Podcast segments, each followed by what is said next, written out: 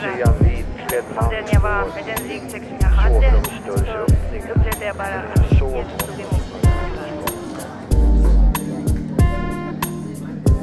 Röster från Sankta Clara med Maj-Lis Johansson. Välkommen till Sankta Clara kyrka, till Sveriges kristna radio och Klara Röster. Idag ska jag intervjua Beatrice Camonot, eller var det rätt?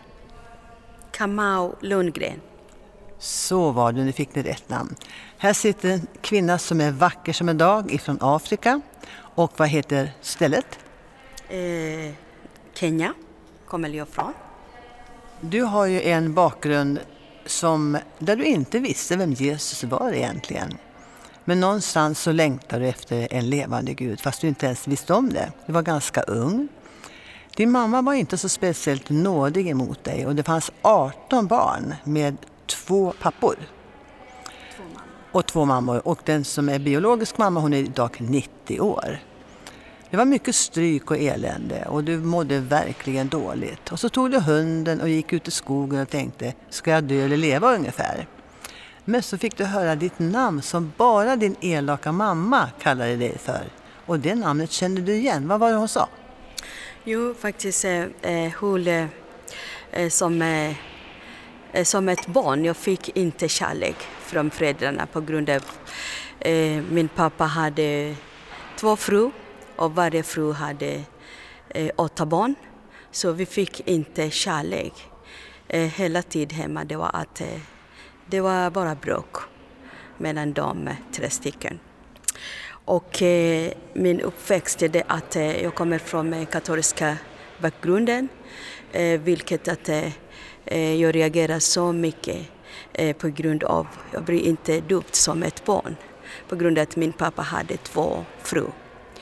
Men i den, eh, att försöka som alla människor eh, hitta kärlek, eftersom jag fick inte det på det sättet att jag brukar gå i skogen med hund och leta om det finns Gud, Gud någonstans. Eh, I den tradition som jag skaffade är det rutinen man kan säga. Det är att på det sättet jag träffat Gud eh, och eh, jag hörde mitt namn som bara min mamma brukar kalla mig. Och jag visste inte vem det var. Det var på det sättet jag träffat Gud. Jag tycker det är så fascinerande för att Gud använder det namn som en enda kallade för. Det var din mamma som var den elakaste av alla kan man säga då. Men Herren han visste hur han skulle nå dig. Och vad hände där i skogen när du hörde ditt barndomsnamn och du förstod att det var Gud? Vad gjorde du med den händelsen? Jo, eh, vad jag gjorde och tänkte, ja, vem är det den här som eh, ropar på mitt namn? Och det är bara min mamma som kallar mig på den. Och jag tittat runt, det var ingen. Men innerst i mig, jag hörde gång på gång det ropat. Och sen, eh, det var, det, jag, det, jag blev skrämd. Men eh, eh, efter den så jag visste vem som kallade mig. Det var Gud. Och för att det går framåt i livet så kom du till Sverige. Och eh, hur började vandringen med Jesus här i Sverige? Jo, eh, jag kom i Sverige som flykting från eh, Uganda på grund av att jag är kenyan men jag flyr från Kenya, Tanzania och sen Uganda. Och hur jag kom hit till Sverige, man kan undra när man ser varje invandrare, varför kom, lämnar de sitt land? Det finns en historia bakåt varje invandrare man ser. Eh, min historia som jag kommer inte berätta eftersom det är jättestort, det är att eh, jag kom som flykting med fyra, tre barn och lämna ett barn i Kenya bakåt. Men eh, det var jättetufft att komma med ett land som är ny miljö och nya språket som jag kunde. Så det var jättetufft.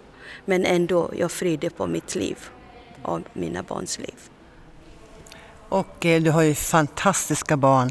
Eh, det som slår mig när man pratar om din familj, dina barn och så, det är att igår så lät du mig få höra hur din dotter lovar och sjunger och har en, vi kallar det för lovsång.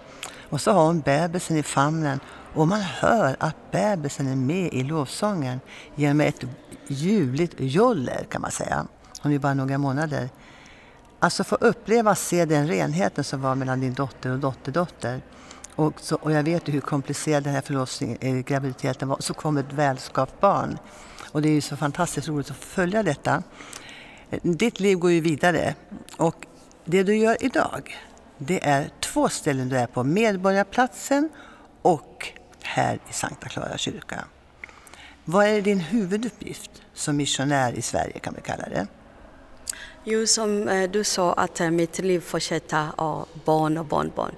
Eh, med Gud allting är möjligt. Det finns ingenting som är omöjligt när man har Gud på vår sida. Det har varit tufft men ändå, vi har sett Guds nåd och Guds kärlek med hela familjen. Och vad jag gör här i Sverige är att eh, som missionär eh, man kan vara missionär hemma, man kan vara missionär ute, men jag är missionär här, EFS missionär här eh, i Sverige och anställd och placerad i Klara kyrkan. Jag jobbar 100 procent och jag jobbar mest med en projekt som jag har skrivit själv med hemlösa pensionärer och pensionärer passionerande människor och de som har lite i samhället.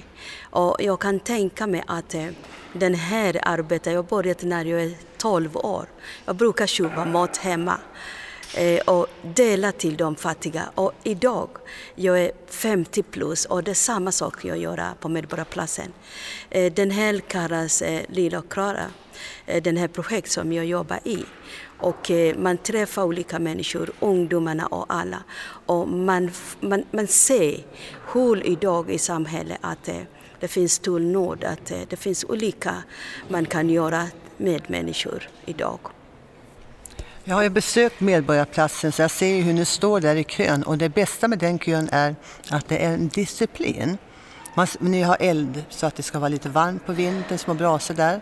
Och kön är ju ända till gatan och det är ju mat som delas ut med ordning och reda, frukt och, och mat och bröd och allt det här. Och man känner att det är en glädje, verkligen. Når ni dem med frälsningsbudskapet? Jo, eh, det att Gud har skaffat, har skaffat oss i en fantastisk sätt. Att eh, när man bemöter människor med respekt och kärlek, de känner den. I början, i början det var jättetufft, men när de började kände att vi är där på grund av att vi vill hjälpa dem. Så nu, vi är som en familj. Vi har respekt på dem, de har respekt på oss. Det är därför det finns ordning. Och eh, vi, eh, vi byggde förtroende först.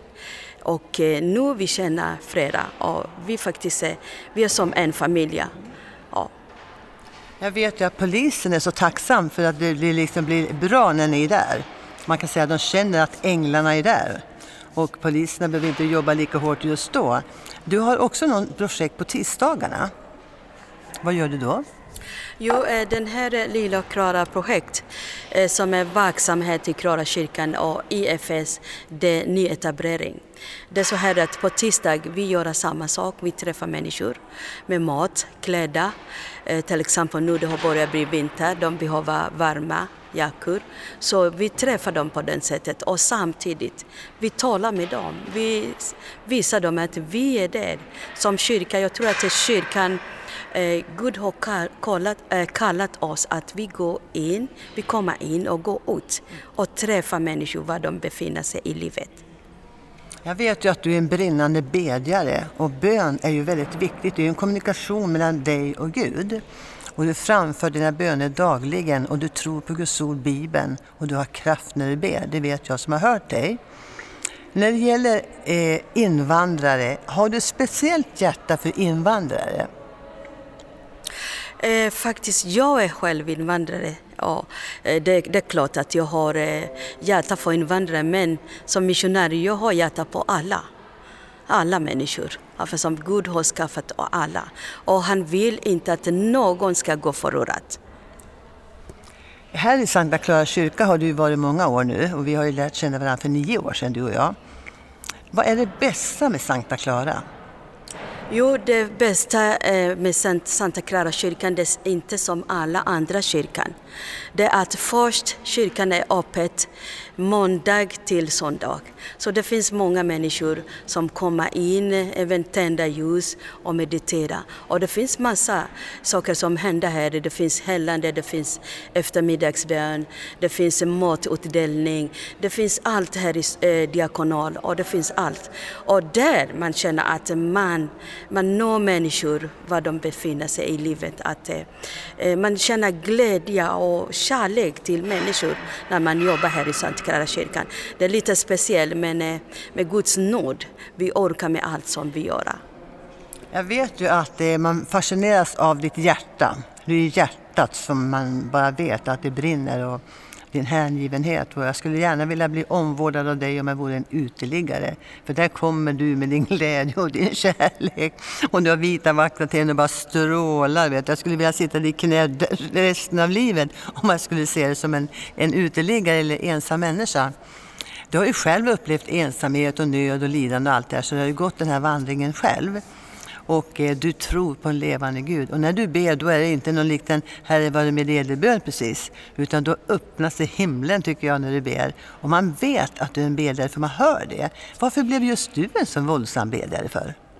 Jo, faktiskt eftersom jag tror att när vi ber, vi knackar himlen och Gud öppnar. Och när Gud öppnar, Gud härlighet kommer ner. Och det kan hända vad som helst. Och det är den som vi som människor vi måste tänka att det är inte att man vara kristen. Det är bara att eh, den som är Gud vill, Gud vill att vi vill vara kristen som vandrar med honom. Det är inte bara namn att vara kristen och stanna där. Det är mycket att vara kristen. Har du en sån där kort afrikansk lovsång som inte vi kan? Sjung den i så fall.